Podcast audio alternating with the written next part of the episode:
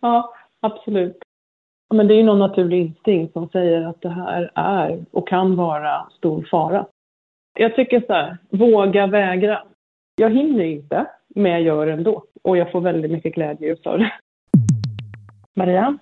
God morgon Maria, Ola. Hej! Hallå, hallå. Ska vi köra igång då? Ja.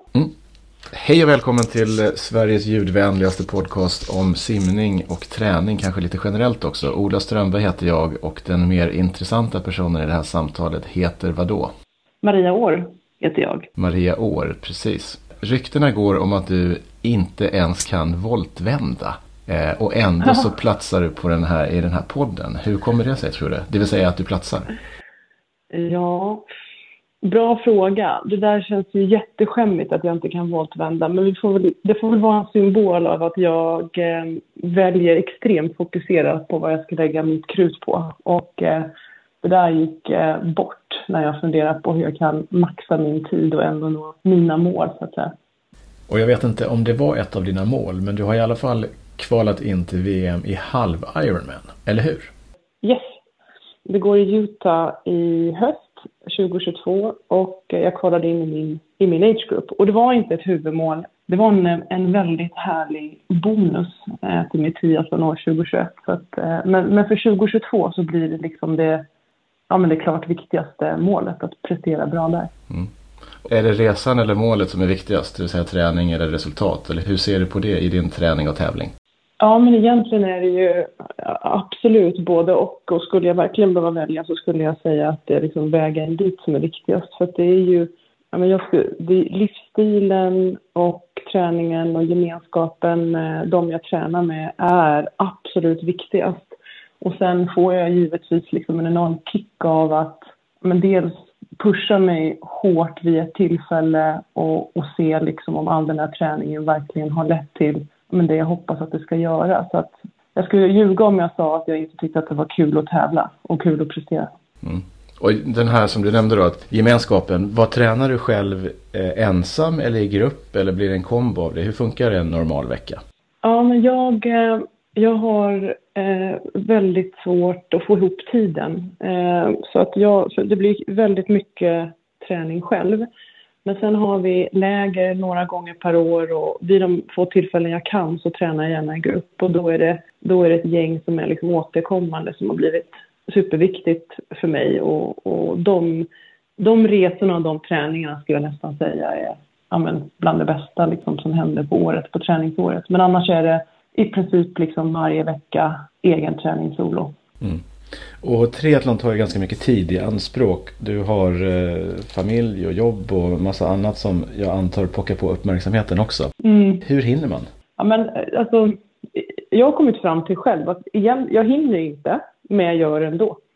Det är enkla svaret för att eh, jag tycker att eh, det är som jag har alltid haft en dröm om att ja, få lägga mer tid på idrott och nå mina mål och så jag gör det för att det är så viktigt för mig, både liksom mentalt och fysiskt. Eh, så att jag gör så gott jag kan och det är ganska ofta det egentligen inte borde gå ihop, men, men, men jag ger ett försök. Och jag har ju, ja men jag, jag har tre barn, eh, åldrarna 6 till 11 år. Jag har en man som jobbar väldigt hårt och mycket eh, och jag har själv ett krävande jobb, eh, ett heltidsjobb inom investeringar eh, och jag har en finansbakgrund. Så det hade nog varit fullt upp med en av dem. Eh, men jag har svårt att eh, ska säga, jag är ganska otålig och jag har svårt att kompromissa. Så, och, och jag har inget emot att ja, men, kämpa och, och, och jobba hårt. Så, att, så jag gör det, jag gör det ändå. Och jag får väldigt mycket glädje av det. Mm. Och hur mycket, en, en normal vecka, vad, vad, blir det i tid? Trä, hur mycket lägger du på träning och vilken typ av träning? Ja, alltså jag försöker jag skulle säga att träningen är liksom en residual av, av allt annat. Eh, ibland försöker jag liksom verkligen prioritera den, men jag kan inte, inte liksom göra det jag tycker krävs på jobbet eller göra det jag tycker krävs på hemmaplan. Så det där kan variera. Eh, jag skulle säga att jag gör allt mellan ungefär sju och tio pass per vecka. Eh, så dubbelpass några dagar i veckan, träning i princip varje dag. Ehm, och ehm, så försöker jag fördela det jämnt mellan, ja egentligen mellan fyra grenar skulle jag säga. Förutom triathlongrenarna så kör jag två pass styrketräning också. Så simningen tummar jag aldrig på. Där kör jag tre pass i veckan oavsett hur veckan ser ut. Och i princip tummar jag inte på styrketräningen heller. Och sen i mån av tid så försöker jag hinna med cykel och löp. Mm. Och styrketräningen, vilken typ av styrka är det då? Men jag, eh, det ena passet är mest fokuserat på eh, ben, ben och bål. Efter tre förlossningar, jag har en, en väldigt stor diastas som gör att man får instabilitet liksom i bålen. Ehm, så, och så dels försöka öka upp stabiliteten där med mycket, mycket benstyrka och sen det andra passet så återigen fokusera på bål men då kör vi mer överkropp och den är framförallt till att gynna simningen. Jag får inte ut så mycket av överkroppsstyrka i, i löpningen och, och cyklingen. Ja, exakt. Och simmässigt, det, du har ju ingen bakgrund i simning utan du är ju, du har hållit på med andra sporter, eh, bland mm. annat löpning. Och var väl ganska mm. duktig på det, eller hur? Ja, alltså precis. Jag, jag var i juniorlandslaget i friidrott när jag var 17-18. Mm. Mina bästa grenar var 4-800. Jag har tagit junior-SM-medaljer och skol-SM-medaljer och varit med i juniorfinkampen. Så där hade jag ju... Mjölksyrafest. ja, tyvärr. Jag önskade att jag hade varit bättre ibland på grenar där man liksom, ja, man har bättre återhämtning och man kan välja när man startar själv och, och så. Eh, jag tänker till exempel om man hoppar längd. Mm. Inte att, jag säger inte att inte den träningen är liksom stenhård, men att veta att man står framför sig ett lopp där du i princip springer max hela tiden, där mjölksyran kommer tidigt och det krävs ganska mycket strategi när man ska gå in på gemensam bana och vassa armbågar. Jag mm. kunde bli oerhört nervös innan start. Men det var 4 och framförallt 800 som jag var allra bäst på och då är det klart att då ville man se hur långt man kunde ta sig där. Så att det var de grenarna jag fokuserade på. Det var också de sista grenarna jag körde innan jag slutade. Mm. Varför blev det mm. friidrott och löpning från början då?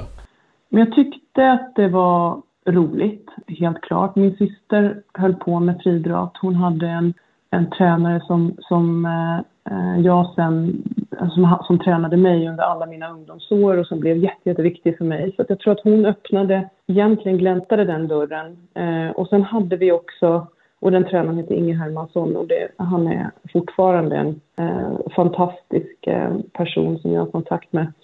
Det fanns också något som heter Danderyd OS. Jag är uppvuxen i Danderyd och eh, det är en jättefin tävling som har funnits. Alltså det, jag tror att det kanske är 40-50 år eller någonting sånt. Där alla lågstadieskolor och mellanstadieskolor får vara med och tävla. Och det där vart ju superkul liksom. Och då förstod jag att jag var ganska bra på friidrott och på den vägen var det. Just det. Men jag höll också på med fotboll eh, och märkte att jag var snabb och uthållig. Det gav sig uttryck på olika sätt. Mm. Sen var det bara friidrotten kvar till slut. Och just nu om du, om du väljer, upp, obviously så håller du på med triathlon, men om det är någon annan sport utöver ja. det, vad tycker du är roligast då? Bara för att ut och, och träna, motionera? Um, ja, men jag kör mycket längdskidor mm. eh, och spenderar en del tid på barnens skolor uppe i Bruksvallarna där vi har ett hus. Och då är det, då är det både klassiskt och skate i princip för hela slanten. Jag har en liten triathlon-setup där i mitt i mitt liksom, större badrum där uppe i Bruksvallarna. Så jag kan träna alla grenarna. Men den bästa träningen är att ge ut i, i skidspåren som ligger runt knuten. Så det är, är fantastiskt härligt. Det skulle jag säga är min fjärde sport. Mm. Femte sport kanske, om vi räknar alla grenar. Just det. Mm. Och varför blev det triathlon sen då? Men det var kul. Jag hade haft, eh, alltså jag hade jobbat väldigt hårt och väldigt långa timmar, framförallt utomlands under en längre period. Jag hade gjort ett ganska abrupt avbrott på min juniorelitsatsning och saknade idrotten något oerhört. Men jag hade egentligen liksom pushat bort det och var så fokuserad på eh, jobb och den karriären jag var uppe i. Eh, men sen kom det där ikapp. Jag hade fått, eh, eh vi fick två barn och där någonstans så gjorde jag en, en tjejklassiker. Så jag provade på alla grenarna plus längdskidåkning och blev sugen på, okej okay, men nu har jag gjort alla momenten, nu vill jag ju lägga ihop det här. Jag kände att ja, men här finns det hur mycket tid som helst att hämta.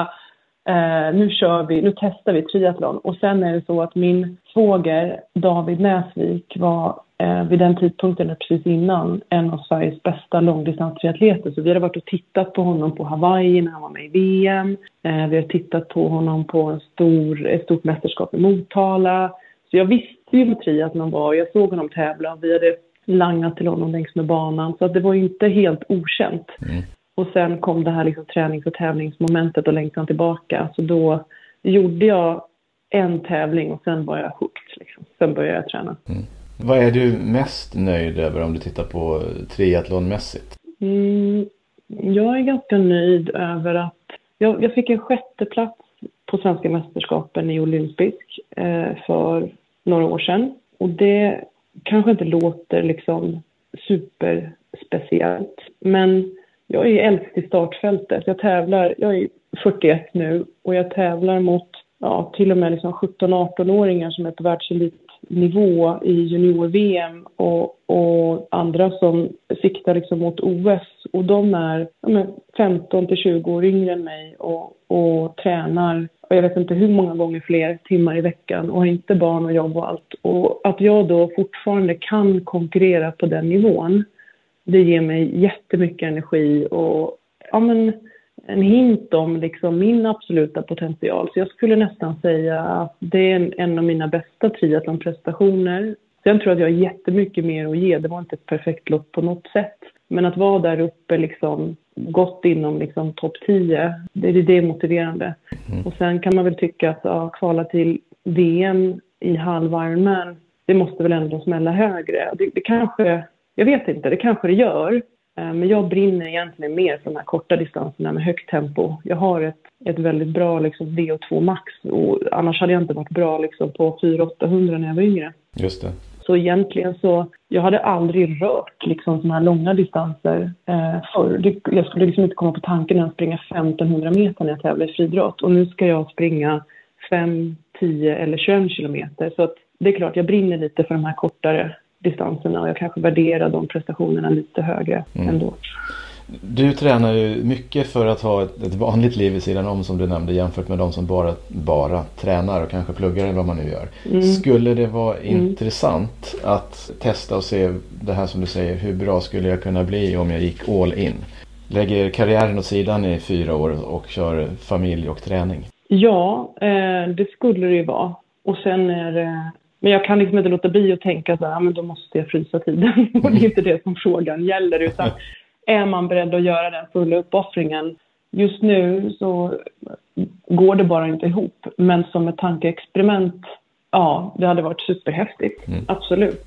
Mm. Det, det, funkar, du får dra ner på Netflix och den typen av tidsfördriv istället. jag tittar ju ingenting. Ja, perfekt. Jag tittar ju ingenting på tv. Mer än när jag cyklar så kollar jag på saker. Så att det är så, jag vet inte riktigt vad jag ska dra ner tiden. på. Men det är klart, barnen blir lite äldre och det finns alltid saker att förbättra. Vem vet, det kanske går att öka upp. Större barn, större problem.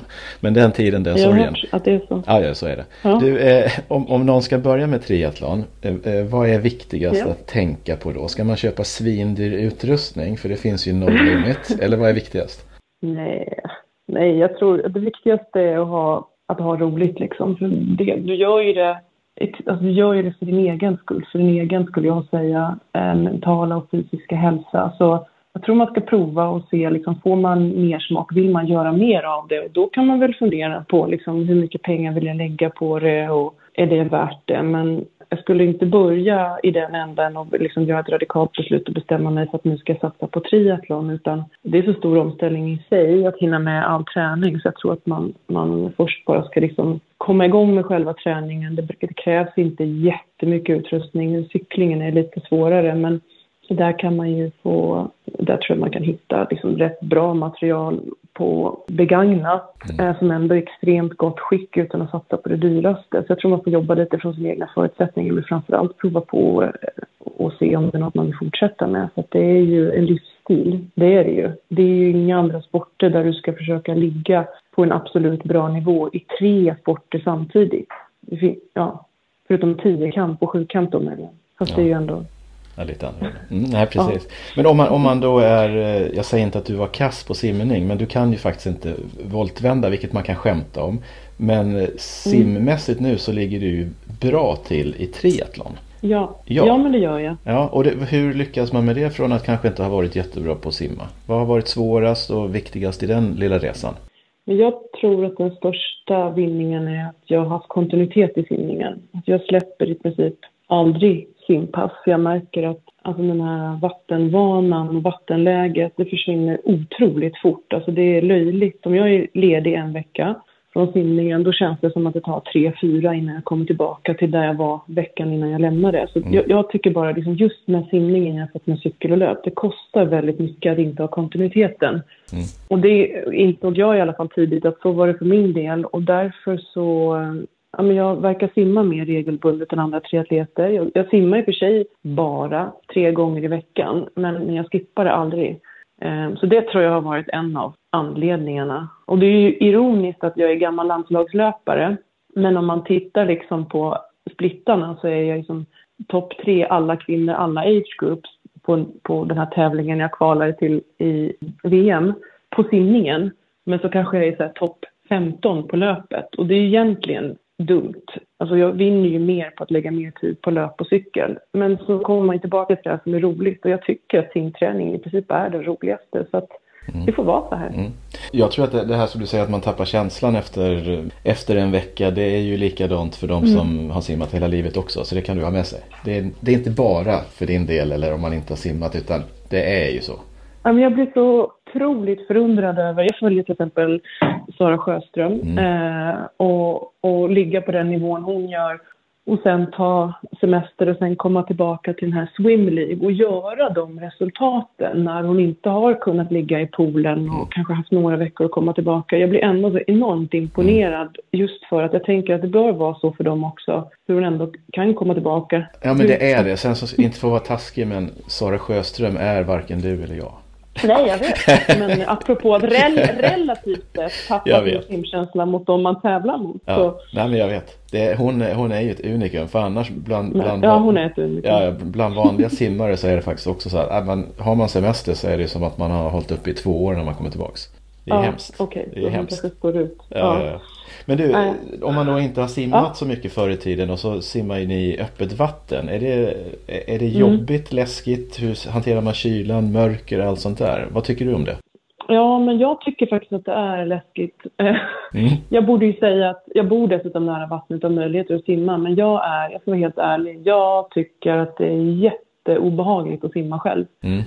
Så jag söker faktiskt upp eh, min, min eh, simtränare, coach Ludde, liksom, när han mm. har gruppsimningar på sommaren så försöker jag, även om det är på andra sidan stan, ta mig dit för att kunna få liksom, öppet vattenträning, simma avslappnat utan att behöva tänka på liksom, alla de här momenten i vattnet utanför som kan jaga upp en. Och jag tycker mm. det där liksom, det tar över kroppen. Det går inte att rationellt bara tänka bort, mm. till viss del. Men det händer oväntade saker och oftast bara liksom ett armtag bort, vilket gör att man studsar till. Mm. Så nej, men jag, jag, jag, tycker att det är lite obehagligt eh, faktiskt. Jag försöker simma med andra. Jag håller med och jag har ändå faktiskt simmat ganska mycket öppet vatten men tycker det Ja, mm. sådär. Det kan finnas var som helst i det där vattnet. Det ska jag inte säga till någon som tycker det är läskigt. Men, men hur gör du då?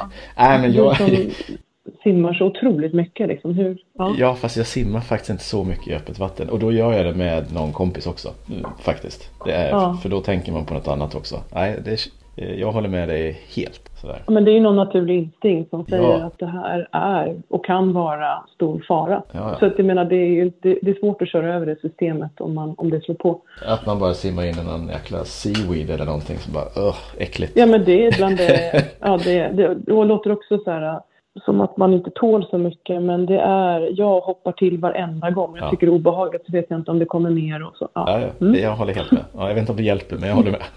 Men du, om man, Tack. Du, eh, du nämnde att du tränar mycket själv och sen ibland åker ni på eh, träningsläger och lite med ett mm. gäng. Och då antar jag att man ofta åker utomlands för att få lite annat än plus tre och regn när man är ute och cyklar och vad man nu gör. Vad, vad mm. åker du helst då om du får välja träningslägerställe? Ja, Mallorca. Mm. Säger jag rakt av. För att?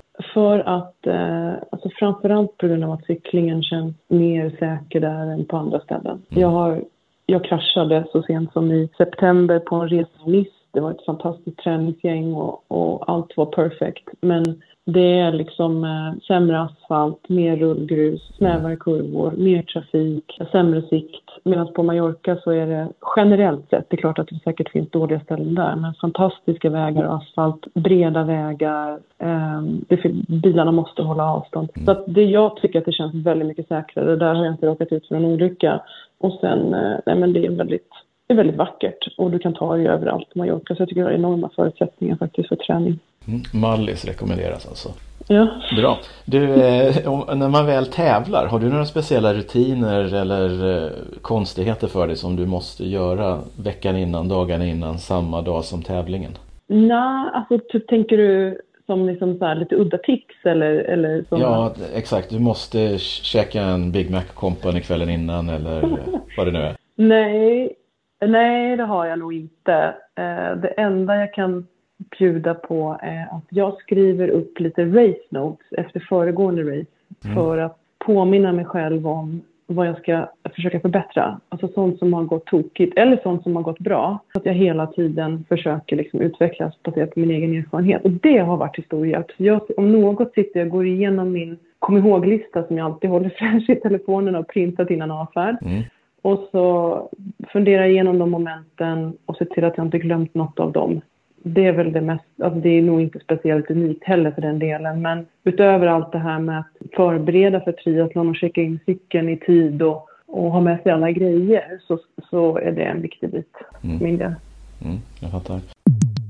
Vill du ha de bästa simprylarna, baddräkterna, badbyxorna, paddlarna, glasögonen, ryggsäckarna, you name it, för att simma och kanske till och med platsa på den så kallade snabbbanan? Då bör du använda Tyr, precis som Michelle Coleman och Erik Persson helst av allt gör.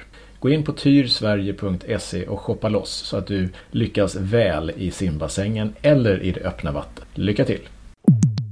En del, ganska många faktiskt, går från triathlon till swimrun. Dels, mm. ja, finns väl många anledningar men, men en fördel om man tycker om att få mer tid är ju att man slipper citat, slutcitat, mm.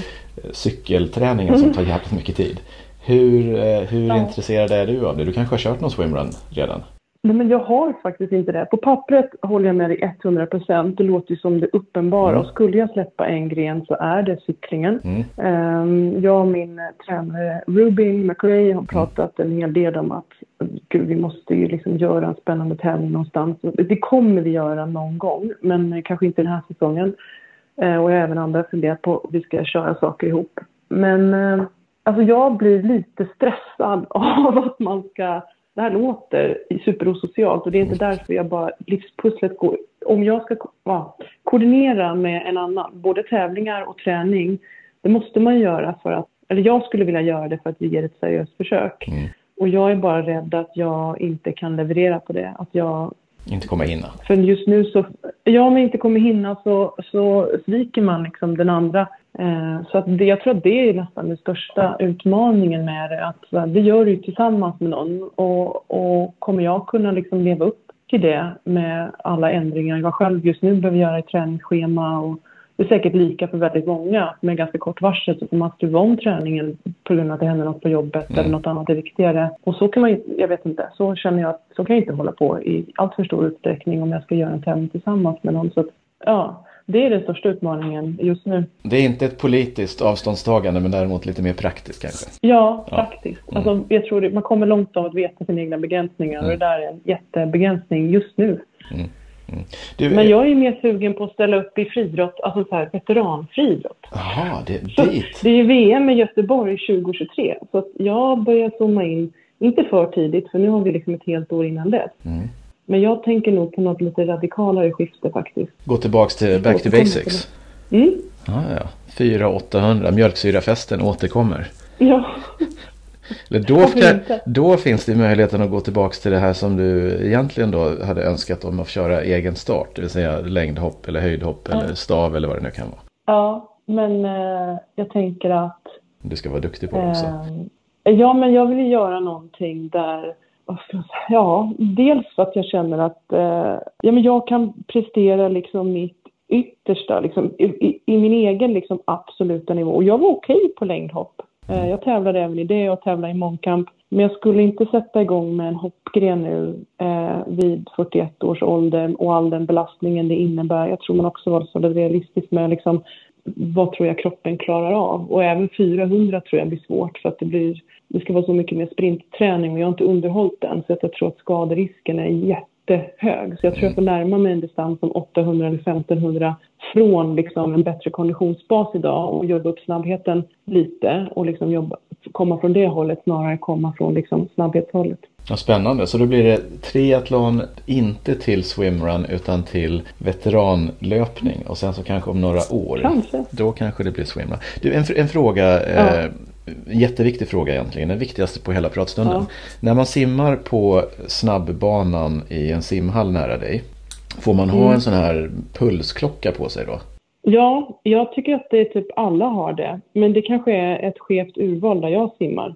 Jag simmar inte så mycket i, i Eriksdalsbadet till exempel. Nej, men bra självinsikt. Du har rätt. Det är ett skevt urval. Mm. Ja, eh, helt rätt. Så, så men, ja. svaret är ju egentligen nej alltså. Jag är ledsen. Ja, jag mm. anar det. Mm. Men det är bara en massa medelålders eh, glada triatleter mm. eller nybörjarsimmare där jag simmar eh, och extremt få eh, riktiga simmare så att säga. Så, ja. ja, jag förstår. Men ser ni ner lite grann på de som har det? Lite? En simmare som ser att man har pulsklocka så är det lite så här, ja du är en av dem. Jo, men man, alltså, jag tror man kan ta bort det här lite. Men ja, definitivt. Eftersom det finns en sån där fin Västerstrand-klocka på väggen som är stor och tydlig. Och när ni kör då, liksom, mm. hinner du kasta upp huvudet och kolla? Liksom, du, du vet ju ja. bara på typ ett ungefär. Ja men, på, eh. ja, men på sekunden när. Jo, jo, det vet man faktiskt. Mm. Och sen är det ju också fördelen mm. att man får hålla, man måste ju liksom tänka lite på att räkna längder och hålla koll på klockan. Och, ja, det skapar lite mer att man behöver fokusera lite mer tankemässigt också, vilket inte är helt mm. fel. Nej, men det tycker jag man gör i och för sig med en klocka. Eh, det är mer att eh, komma ihåg träning, gå tillbaka och titta i efterhand. Och, och, ja, nej, men jag förstår, det kanske är lite vanlig sak också kasta upp huvudet och se ungefär vilken sekund man kommer på. Så är det nära nog. Ja, det, är, det, mm. det är ju inte, det är inte världens viktigaste. Alla sporter har ju sina eh, egenheter. Jag får inte mm. tala om cykling som är sporten som du kommer att släppa härnäst. Som har ju sina egenheter. Men du, eh, är det någon fråga som jag har mm. missat som du hade förberett dig jättenoga på? Ja, en. Jaha. Och det är om du skulle fråga mig om inte jag har börjat med voltvändningar faktiskt senaste veckan och tränat på dem och faktiskt satt dem. Ja, ja men en fråga, en av mina sista frågor är eh, det här med voltvändningar som jag nämnde att du inte kan. Kan du det nu eller? Vet du vad? På grund av eh, grupptrycket, bland annat från dig, ja. i frågan i sig, så har jag tränat det sista veckan när jag har kört mina lite lättare komma igång-pass här nu efter juluppehållet. Och eh, nu så har jag börjat köra det. Ja men vad spännande. Då ska vi se till att på något sätt få ett litet videobevis på att det är på gång. ja, det, absolut. Det, ja, absolut. Ordna det. Ja, fan ja. vad bra. Om man ska bli okej okay på att simma, då rekommenderar du simma ganska ofta och så ta hjälp av en coach. Och skit i voltvändningen till att börja med för att det är bättre att lära sig simma och sen så kan man addera voltvändningen efter något år, ja, precis som du har gjort. Ja, jag tycker så här. Våga vägra. Våga vägra. För det är öppet vatten. Nej men så här allvarligt. Öppet ja. vatten har ju inga vågvändningar överhuvudtaget. Eh, och jag tänker att har du inte så mycket tid till att simma så håll inte på att träna på det utan se till att få in själva simningen. Men eh, jag skulle nog säga att grupptrycket är nog det värsta. Att folk tänker så här, men du, du är helt kast, du är ingen riktig simmare om du inte voltvänder. Men om man klarar av att stå emot det. Ja, så är det okej. Okay. Så du måste ha mm. ganska tjockt pannben, bra självförtroende och sen räcker det bara för din del att titta på att du faktiskt är bland de snabbaste på simmomentet i triathlon. Eh, ja, det är så. bra nog. Ja, eller hur? Och så får de säga vad de vill om sina voltvändningar, även om jag till viss del håller med dem, men det kommer jag inte säga.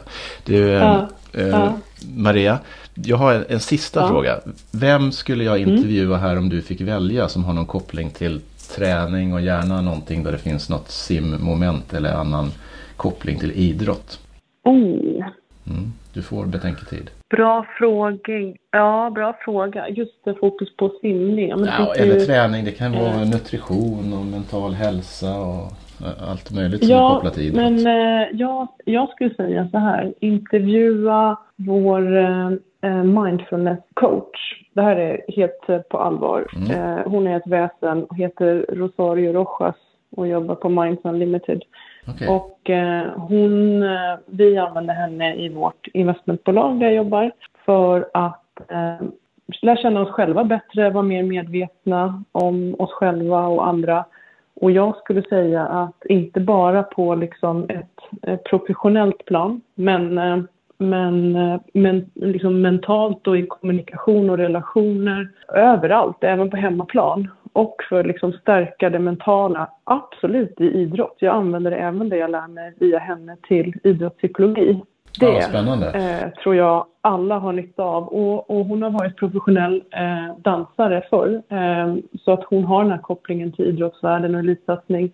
Men framför allt är hon otroligt duktig på medvetenhet, träning och coachning. Så det skulle jag varmt rekommendera. Bra, då tar vi kontakt med Rosario Rocha, ett väsen. Jag vet inte exakt hur man får kontakt med det, men du... Ja, jo, jag kan sätta er i kontakt. Bra.